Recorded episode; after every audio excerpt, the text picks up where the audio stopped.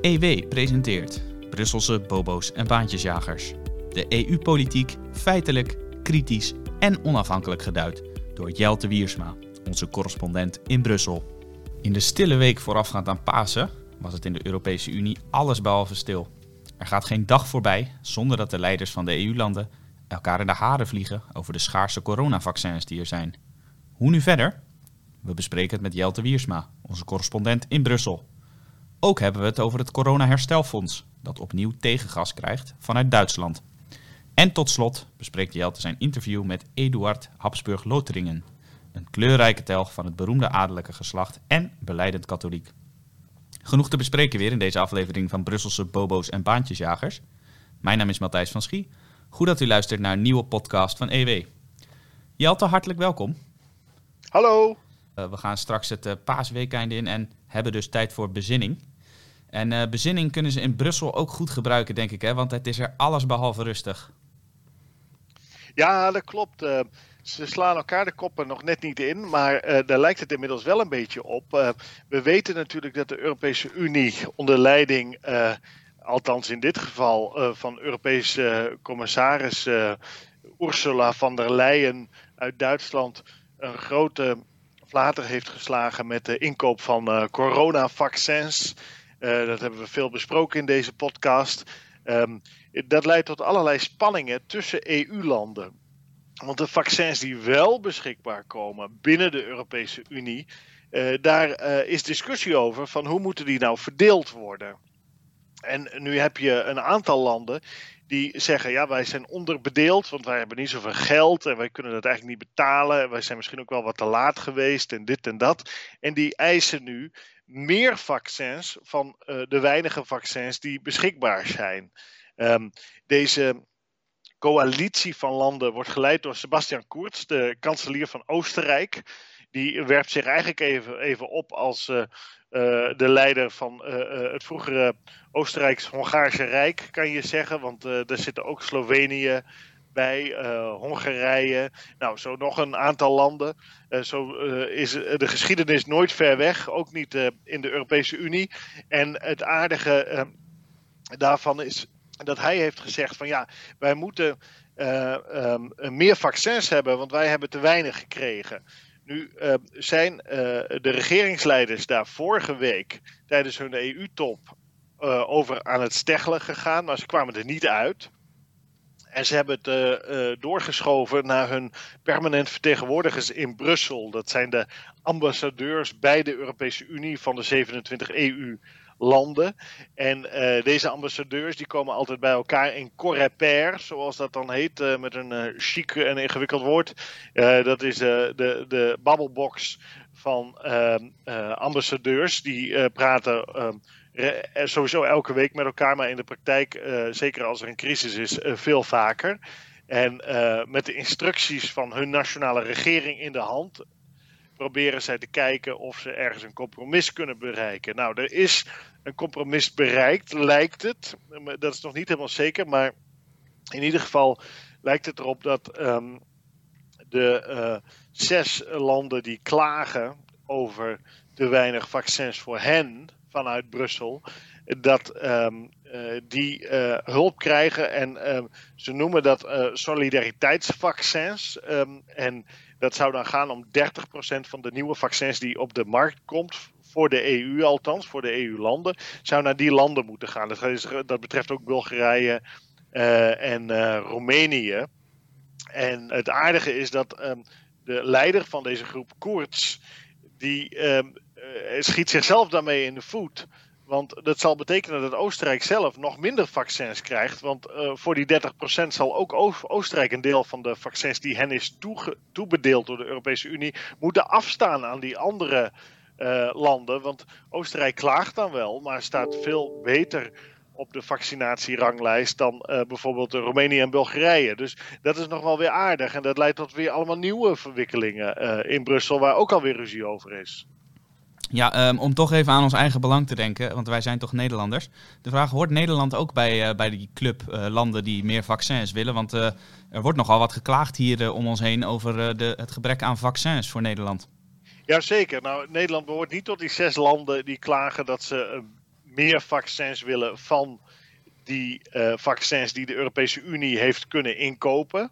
Ehm, sterker nog, Nederland is er ook akkoord mee dat een ehm, deel van de EU-vaccins, om het zo maar even te noemen, um, met voorrang wordt verleend aan die landen, uh, zoals uh, uh, Bulgarije en Roemenië en Slovenië. Dus eigenlijk is het voor Nederland een nadelige situatie in die zin. Um, wat nog wel aardig is, is dat Koerts, die is nu inmiddels aan het flirten met Vladimir Poetin.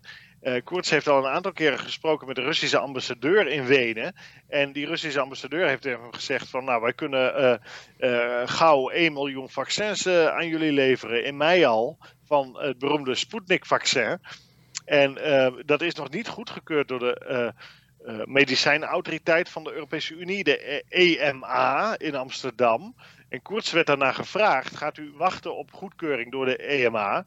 En hij zegt, nou, dat uh, moeten we nog uh, besluiten of we dat doen. Dus het kan best zo zijn dat Oostenrijk, en daarmee volgen ze Hongarije, dat ook al via de achterdeur Sputnik-vaccins wilde hebben, um, uh, ja, dat eigenlijk twee dingen ondermijnt. Eén, um, natuurlijk um, het Europese medicijnagentschap, het EMA in Amsterdam. Want het zegt gewoon van ja, wij brengen een medicijn of een vaccin, moet ik zeggen, op de markt. Ehm, althans binnen Oostenrijk, dat uh, helemaal niet goedgekeurd is om op die markt überhaupt te komen.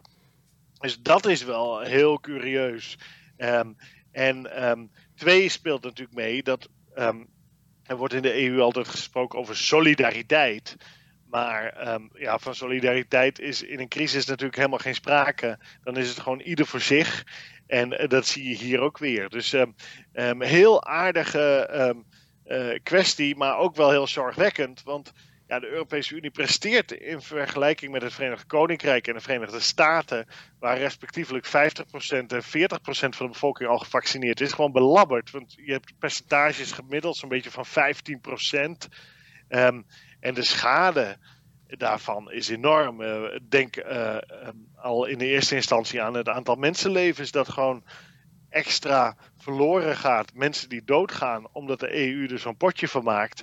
En uh, um, ja, nu maken ze dus um, eerst ruzie, zoals we veel hebben besproken in deze podcast, met het Verenigd Koninkrijk. Dat ze vinden dat het Verenigd Koninkrijk eigenlijk op uh, oneerlijke wijze uh, slimmer is geweest dan de EU. Nou ja, dat kan ik niet helemaal volgen. Hoe kan je nou um, op oneerlijke wijze slimmer zijn? Ze zijn gewoon slimmer geweest, het Verenigd Koninkrijk. En uh, daar hebben ze enorm zitten schelden op het Verenigd Koninkrijk en gedreigd met exportverboden en zo. En dat ligt nog allemaal op tafel. Um, maar uh, ja, nu uh, slaat de negatieve energie, zou je kunnen zeggen, die eerst nog uitwaarts gericht was op het Verenigd Koninkrijk, slaat nu inwaarts, slaat nu naar binnen. En nu beginnen ze elkaar de kop in te slaan. op diplomatieke wijze, desalniettemin. Maar um, ja, het is geen vrije vertoning hoor. Ja, die leiders maken dus met elkaar ruzie en inderdaad met de bobo's in Brussel. Maar uh, hebben ze in eigen land ook nog uh, last van dit gesteggel? Zijn er bijvoorbeeld regeringen die op instorten staan door uh, dit hele vaccin-fiasco? Ja, dat is een goede vraag. Er gaat van alles mis. In Polen ging het nou ook weer, weer mis van de week.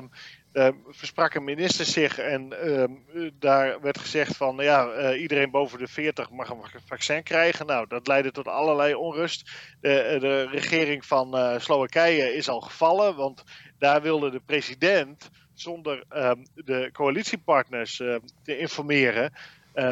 Ook al Sputnik-vaccins gaan kopen van de heer V. Poetin te Moskou. En um, uh, dus ook weer via de achterdeur. En uh, nou ja, de, die, of de premier, ik zei de president-premier. En de, die, uh, de president van Slowakije wil nu dat de premier opstapt. Nou, ook allemaal gedoe daar. We hebben natuurlijk al gedoe in een aantal andere landen gezien. En ehm, er speelt nog iets aardigs. Je hebt natuurlijk het, het beroemde AstraZeneca-vaccin, het Oxford AstraZeneca-vaccin Waarbij Oxford natuurlijk uh, uh, wijst op uh, de beroemde universiteit uit het Verenigd Koninkrijk. En AstraZeneca een Brits-Zweeds bedrijf is. En eh, Duitsland en Frankrijk die voeren al sinds januari een anti-AstraZeneca-campagne. En dat lijkt te zijn ingegeven uit ergernis over het succes van dat, dat vaccin. En ook uit jaloezie enzovoort. En dat wordt met de dag ook verbijsterder.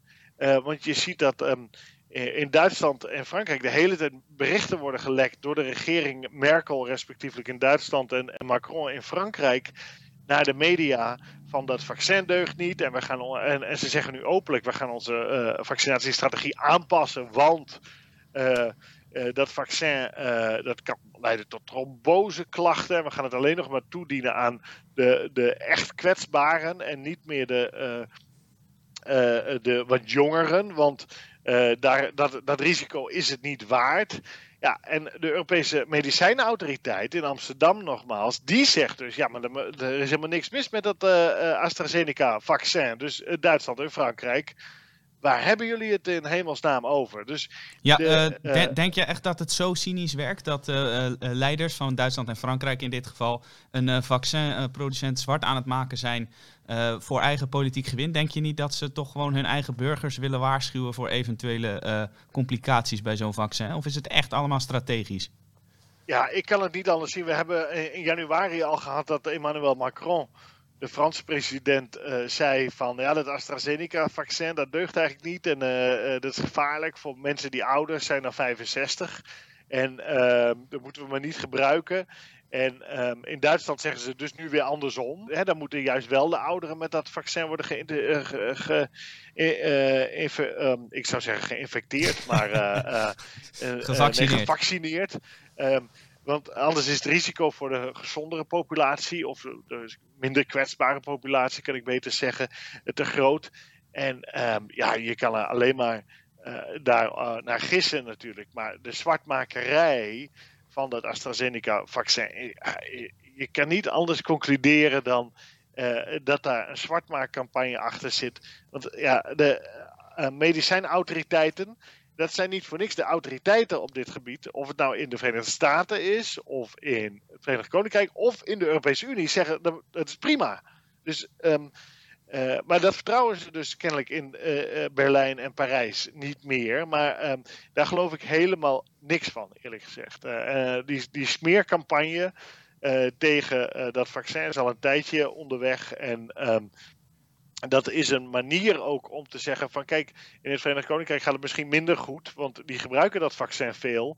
En ja, dat vaccin is niet veilig. Dus wij gaan ons, onze bevolking niet vaccineren met een vaccin dat niet veilig is volgens ons. En het Verenigd Koninkrijk doet dat wel. Weet je, dat, die teksten komen nu uit uh, Berlijn en Parijs. Uh, en dan zeggen ze dus eigenlijk: wij beschermen onze bevolking in de Europese Unie beter dan het Verenigd Koninkrijk. Ja, uh, Amahula, um, zo, zo lust ik er nog wel eentje. Hè? Ja, dat, dat, klinkt wel als een heel uh, cynisch spelletje zo allemaal. Uh, dat er wordt gespeeld uh, vanuit Brussel. En nou ja, qua diplomatieke banden zal het Verenigd Koninkrijk ongetwijfeld een beetje in zijn vuistje lachen om hoe de EU-leiders met elkaar overhoop liggen. Maar wat jij ook vaak terecht aanstipt, heel dit gerommel kost natuurlijk wel mensenlevens en vooral ook heel veel economische schade. dus daarom natuurlijk de vraag, we zitten in de paastijd zoals al gezegd. Is er ook nog een sprankje van compassie zichtbaar? Dat bijvoorbeeld het Verenigd Koninkrijk zegt, we mogen dan wel uh, gebrouilleerd zijn met de heren in Brussel, maar de Europese burgers die zouden wij eigenlijk wel willen helpen. Ja, het Verenigd Koninkrijk speelt het natuurlijk heel slim. Die, daar hoor je inderdaad steeds luidere stemmen die zeggen van ja, wij moeten vaccins uh, aan onze Europese vrienden geven. Want die zitten in nood en wij moeten ze weer helpen. Nou, dat vinden ze natuurlijk wel aardig, want het is wel eens vaker in de geschiedenis gebeurd dat het Verenigd Koninkrijk uh, het Europese continent uit de brand heeft geholpen. We zullen niet uh, explicieter worden dan dat. Hè? uh, mag de luisteraar zelf raden. maar dat is natuurlijk heel filijn van ze. Dat zij net zo filijn als Poetin met zijn Sputnik-vaccin rondgaat, gaat het Verenigd Koninkrijk nu ook rond. Uh, en uh, um, uh, althans, daar lijkt het straks op. En gaat zeggen van ja, kijk, wij zijn in tegenstelling tot de Europese Unie niet protectionistisch. Wij zijn de kampioenen van de menselijke solidariteit. Wij gaan geen exportverboden van vaccins instellen, zoals de Europese Unie wel wil. Nee, wij gaan jullie helpen, onze broeders. En ja, dat is natuurlijk hetzelfde argument dat Vladimir Poetin voor zichzelf heeft gebruikt om dat Sputnik-vaccin voor weinig te gaan uitdelen in Europa of te verkopen. Dat, je koopt er natuurlijk invloed mee en politieke vrienden althans, dat is de hoop. En ja, het Verenigd Koninkrijk heeft natuurlijk hier ook wel een punt. Dat um, het is voor hen, dat is natuurlijk niet onbelangrijk, wel van belang na alles wat er gebeurd is rond Brexit. Om een beetje vriendjes te maken op het Europese continent.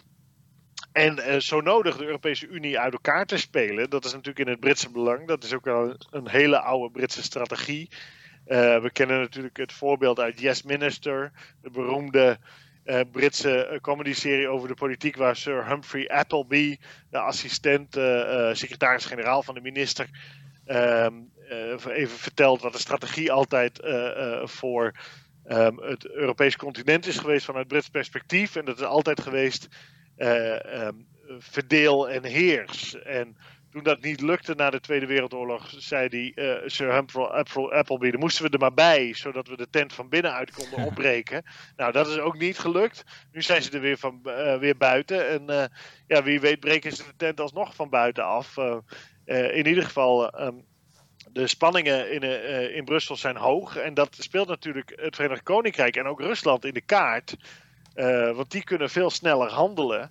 Um, en die willen natuurlijk ook voorkomen um, dat um, daar een machtig blok tegenover hen komt te staan. Dat met kracht eisen van dat blok de EU dus kracht kan bijzetten. Dus heel, ja, heel aardige kwestie. En het Verenigd Koninkrijk lijkt hier vooralsnog superieur uit te komen. Zegt dat wel toch goed dat jij ons er nog even aan herinnert wat voor een hard en slim strategisch spelletje politiek boven alles is. Dat een geste nooit zomaar een geste is, maar dat er altijd belangen bij spelen. goed om dat te blijven benadrukken.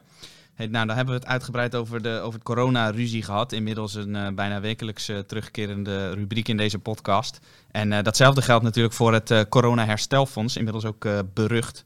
Jij noemde een aantal weken geleden in deze podcast dat de Duitse rekenkamer bezwaar had gemaakt tegen de ondertekening van de Duitse regering van dat corona-herstelfonds.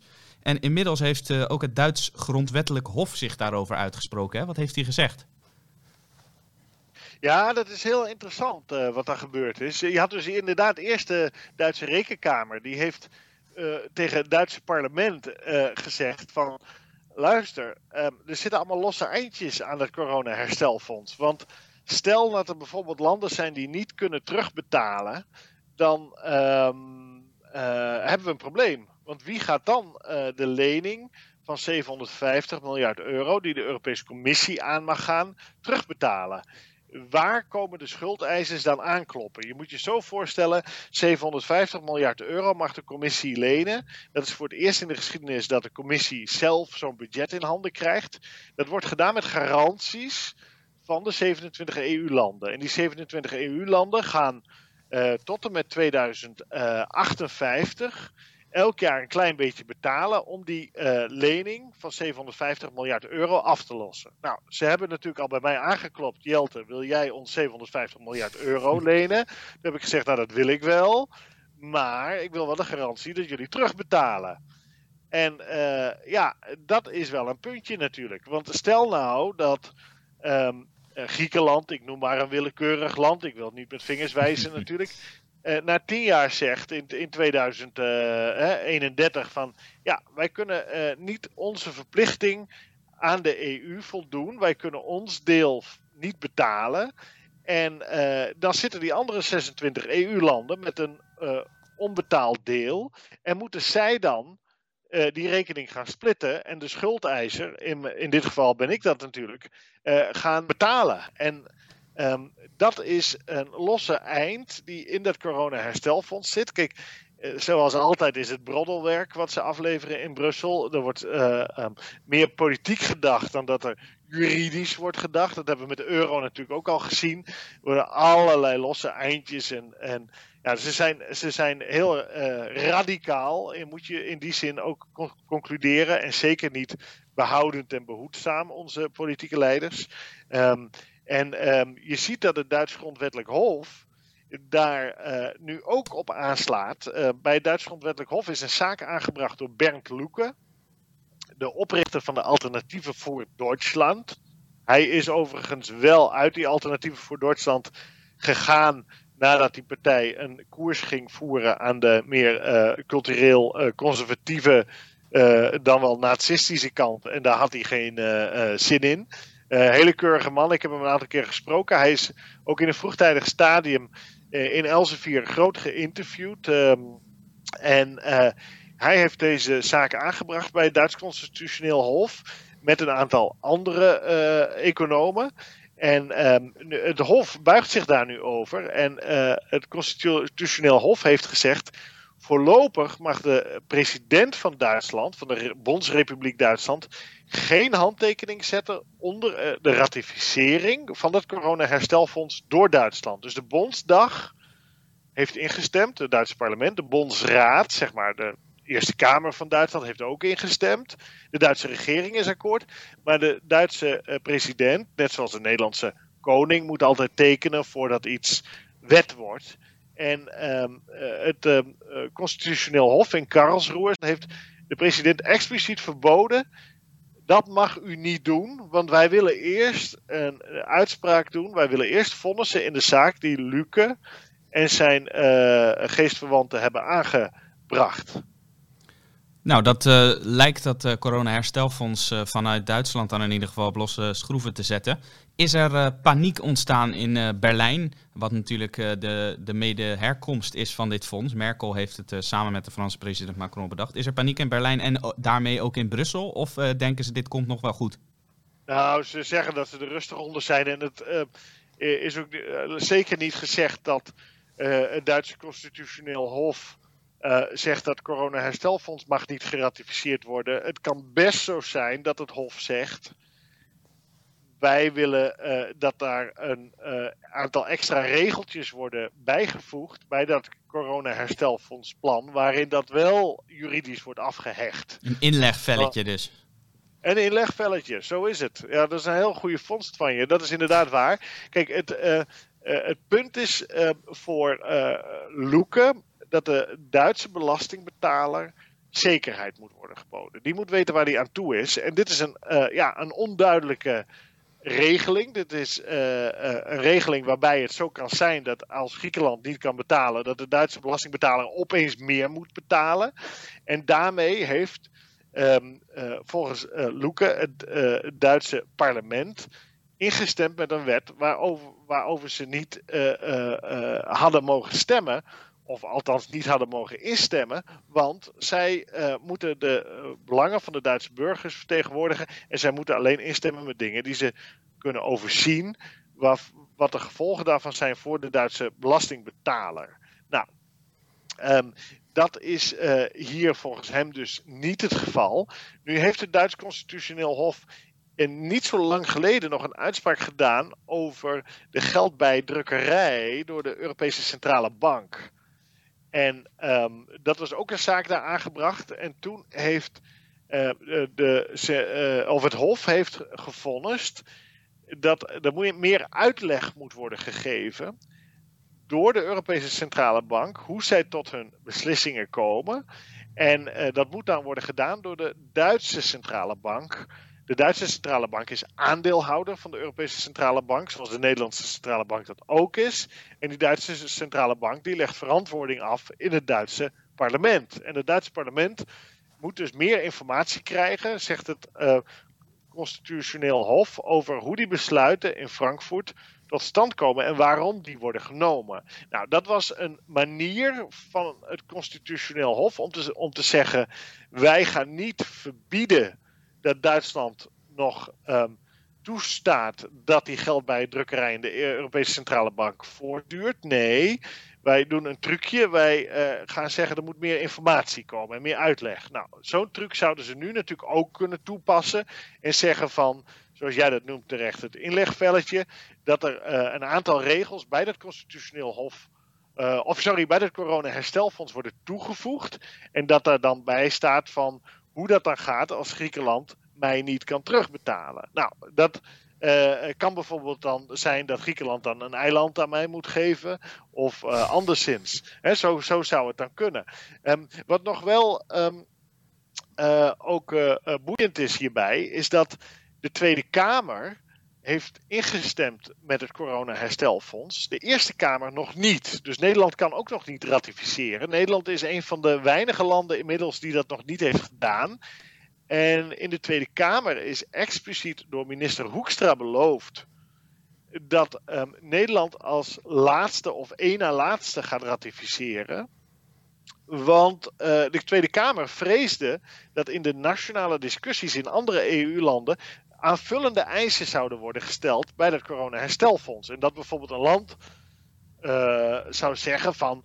Uh, ja, uh, wij willen dit en dit en dit er nog in hebben. En dat Nederland dan al had geratificeerd. En dat de Tweede Kamer dan niet opnieuw de kans zou krijgen om daarover te stemmen en eventueel tegen te stemmen. Dus dat is wel interessant. Dus Nederland heeft met opzet, althans de Tweede Kamer, gezegd: wij willen eerst even afwachten uh, tot alle andere landen hebben uh, geratificeerd en wat hun eventuele aanvullende eisen nog zijn. Aukje de Vries, Kamerlid van de VVD, die hamerde er erg op en dat was natuurlijk verstandig van haar. Want je ziet het in Duitsland gebeuren dat het Hof zou zomaar kunnen eisen dat er inderdaad een aantal regels tekst bij dat corona-herstelfonds komen. En dan is het maar de vraag of uh, de Tweede Kamer en de Eerste Kamer niet opnieuw daarover moeten stemmen. In ieder geval, de Eerste Kamer stemt in april, zoals het nu lijkt, maar niet eerder. Dus um, Nederland heeft ook nog niet geratificeerd. Het spel is op de wagen en we moeten nog even afwachten wanneer het Duits Vos, uh, Hof gaat uh, vonnissen. Dat weten we nog niet. Het kan nog wel even duren. Um, dat betekent in ieder geval dat het coronaherstelfonds erg vertraagd raakt. En ja, um, als je ziet hoe zo'n Duits Hof vonnist. Het, het tussenvonnis dat ze nu hebben gedaan, dat heet dus het Hangebeschluss zur Ausfertigung des Eigenmittelsbeschluss Ratificierungsgesetzes. Ja, het is echt fantastisch. Voor de Duits sprekenden ja, en luisterenden uh, onder de luisteraars is dit uh, een term om van te smullen natuurlijk. Oh, het is geweldig. Het is geweldig. Zo'n zo hof dat met dat, die geweldige Duitse taal waar je alle woorden aan elkaar kunt plakken. En zo'n zo hele intellectuele taal. Ook wel een vermoeiende taal om te lezen, moet ik eerlijk, eerlijkheidshalve zeggen. maar als zo'n hof dit soort teksten uitbraakt, dan denk je, nou, er is misschien nog, toch nog hoop dat het hele corona-herstelfonds, dat een onding is natuurlijk, en een, alleen maar een transfer is van mensen die een beetje hun best doen in het leven, naar mensen die dat wat minder doen. Um, dat uh, zou het toch wel aardig zijn. Ja, heugelijk nieuws uh, noem jij het ook in jouw uh, commentaar op de website hierover. En je hebt ook jouw vaste rubriek in Brussel hieraan gewijd. Heugelijk nieuws dus. En het zal in ieder geval vertraging oplopen. Dus vanuit Duitsland, maar ook in Nederland. Want aan het Binnenhof hebben ze natuurlijk voorlopig wel wat andere zaken aan hun hoofd dan het instemmen met dit corona-herstelfonds. Dus dat blijft ja, dan zijn ze weer met elkaar bezig in plaats Precies. van met de echt belangrijke zaken. Dat, maar hou dit Duitse grondwettelijk hof in de gaten, want... Dit is een heel interessant hof, omdat het um, de Duitse grondwet moet beschermen. En uh, het is mede ingesteld natuurlijk na de Tweede Wereldoorlog om te voorkomen dat de democratie in Duitsland ooit wordt afgeschaft. Uh, daar, zal het Hof altijd voor gaan liggen. En die zegt dat mag niet volgens de grondwet. En die grondwet is min of meer onveranderlijk. Maar dat Hof dat heeft ook een rol in het voorkomen van uh, nog heel veel meer EU-integratie mogelijkerwijs. Want dat gaat op een gegeven moment botsen met de Duitse grondwet. Je kan niet eindeloos doorgaan met de EU-integratie. Althans, dat is de verwachting van vele juristen. Uh, gezien de aanwezigheid van de Duitse grondwet en het Duitse constitutioneel hof als hoeder daarvan. Nu moet je wel daarbij weer zeggen dat de rechters in dat hof, of raadsheren zoals wij die in Nederland zouden noemen, die worden politiek benoemd. Dus die uh, rechters, raadsheren kunnen ook beslissen dat ze pro-EU zijn. En meer integratie laten doorgaan, ondanks de, de, Duitse grondwet. En daar kan dan niemand meer iets aan doen. Dus, maar hou dat hof in de gaten in ieder geval. Hou het in de gaten en uiteraard houden wij het ook voor u in de gaten. En in de podcast zal dit onderwerp ongetwijfeld nog heel vaak voorbij gaan komen. Hey, we hebben twee behoorlijk zware onderwerpen behandeld. al dat geruzie over de vaccins en het corona-herstelfonds, dat maar zo moeizaam van de grond lijkt te komen. Laten we hem toch nog even afsluiten met een wat uh, opgewekter onderwerp. Want jij hebt een uh, vrolijk stemmend interview uh, gemaakt met Eduard Habsburg Loteringen, nazaat van de aartshertog van het Oostenrijks-Hongaarse Rijk. En dat was een bijzonder lezenswaardig interview, zeg ik. Ik heb het al even gelezen en u kunt het ook lezen op onze website. Het is natuurlijk bijna Pasen en hij heeft als beleidend katholiek natuurlijk ook wel het nodige te vertellen. kun, kun, je eens wat uitleggen over wie dat is en wat hij allemaal aan jou heeft verteld? Ja, ik kwam hem eh, toevallig op het spoor, deze man, eh, via een podcast die ik zelf regelmatig uh, beluister. Als een van de meest geestige twitteraars uit het Vaticaan. En toen dacht ik, dan moet ik die man gaan interviewen. een, een Habsburg, die namens Hongarije dus um, ambassadeur is bij de Heilige Stoel. dus niet bij het Vaticaan, want het Vaticaan is nou ja, de plaats, ehm, de Heilige Stoel is ehm, de, wat zeg maar de Europese Unie eh, in eh, Brussel is. Ehm, alleen dan eh, met God en de EU doet het zonder God, dankzij de Fransen. En dat is te zien. ja, dat, dat, soms denk je, hadden de Fransen hun blokkade om het christendom en God te noemen in de EU-grondwet, het beroemde verdrag van Lissabon, maar niet erbij gehouden. Want ehm, tot nog toe, uh, met de, in de coronacrisis, gaat het niet helemaal lekker. Maar goed, dat moeten ze zelf maar uitzoeken. Um, in ieder geval, Habsburg Loteringen. Ik dacht, nee, die man ga ik interviewen. Dus ik contacteerde hem. En hij was een beetje um, argwanend natuurlijk. Omdat Hongarije staat er niet heel goed op. Bij heel veel mensen. Maar hij had even um, zijn oor te luisteren gelegd her en der. En nou, toen uh, zei hij, oh met jou wil ik wel praten. En um, ja, tot mijn grote spijt is dat uh, via de uh, Teams gegaan en niet met een bezoekje aan Rome, zoals normaal gesproken zou hebben plaatsgevonden. Um, hij heeft me wel uitgenodigd overigens om daar nog eens even met hem een rondleiding te gaan doen.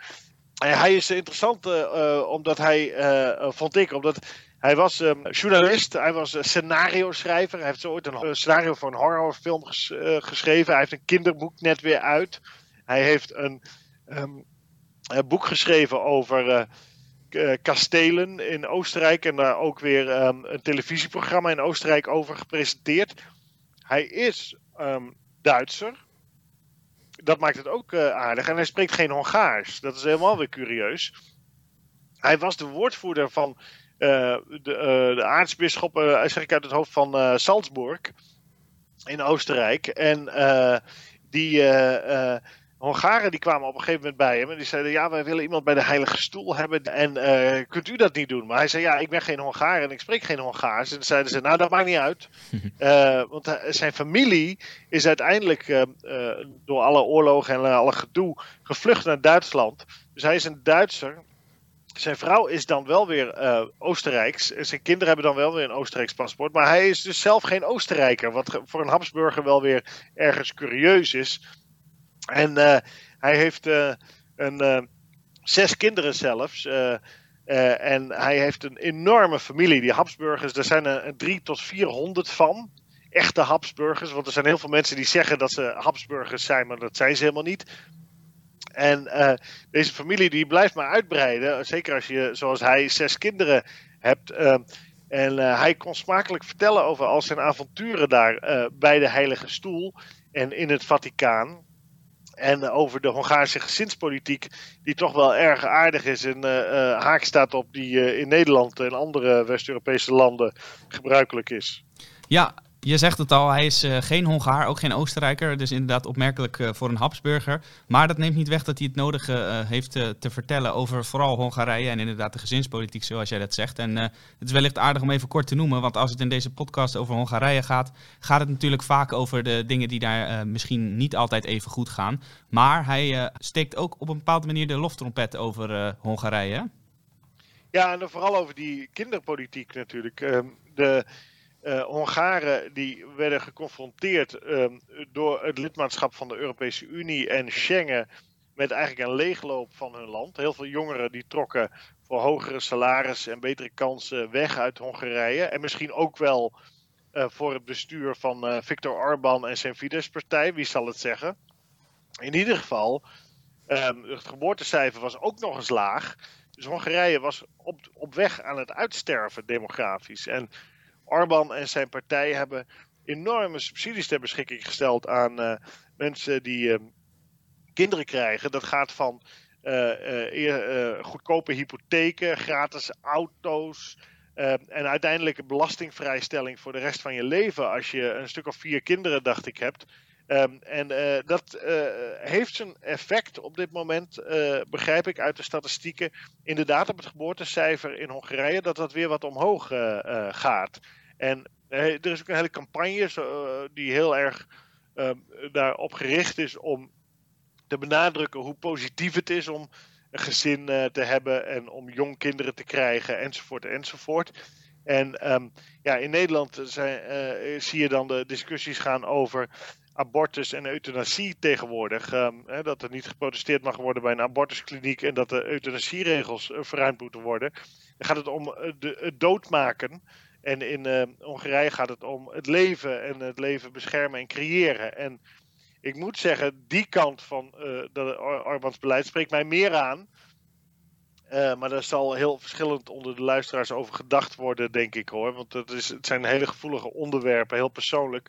Maar die kant van Arbans uh, beleid spreekt mij meer aan dan uh, die kant uh, zoals wij die in Nederland en een groot deel van West-Europa kennen. Ja, dat zijn inderdaad heel boeiende thema's om over te lezen. Thema's die je zelden leest als het gaat over Hongarije. dus des te beter dat jij dat in gesprek met de heer Habsburg Loteringen uh, uitgebreid hebt besproken. Het is een zeer uh, lezenswaardig interview, uh, zeker voor het lange paasweekeinde. En dat geldt uiteraard ook voor alle andere stukken in de nieuwe EW. Jelte, wij zijn aan het einde gekomen alweer van deze podcast. Hartelijk dank. Graag gedaan. Volgende week zijn we terug met een nieuwe aflevering over alle EU-perikelen. En in de tussentijd kunt u uiteraard op de hoogte blijven van het laatste nieuws, achtergronden en opinies via onze website ewmagazine.nl. Voor nu uh, zijn we dus uh, aan het einde gekomen van de podcast. Al onze luisteraars uh, wensen wij uiteraard gezegende paasdagen toe en graag tot de volgende keer. Hartelijk dank voor het luisteren naar de podcast van EW. Wilt u niets missen? Abonneer u dan in uw favoriete podcast-app, bijvoorbeeld Spotify of iTunes, door te zoeken op EW. U kunt ook luisteren op onze site via ewmagazine.nl/podcast.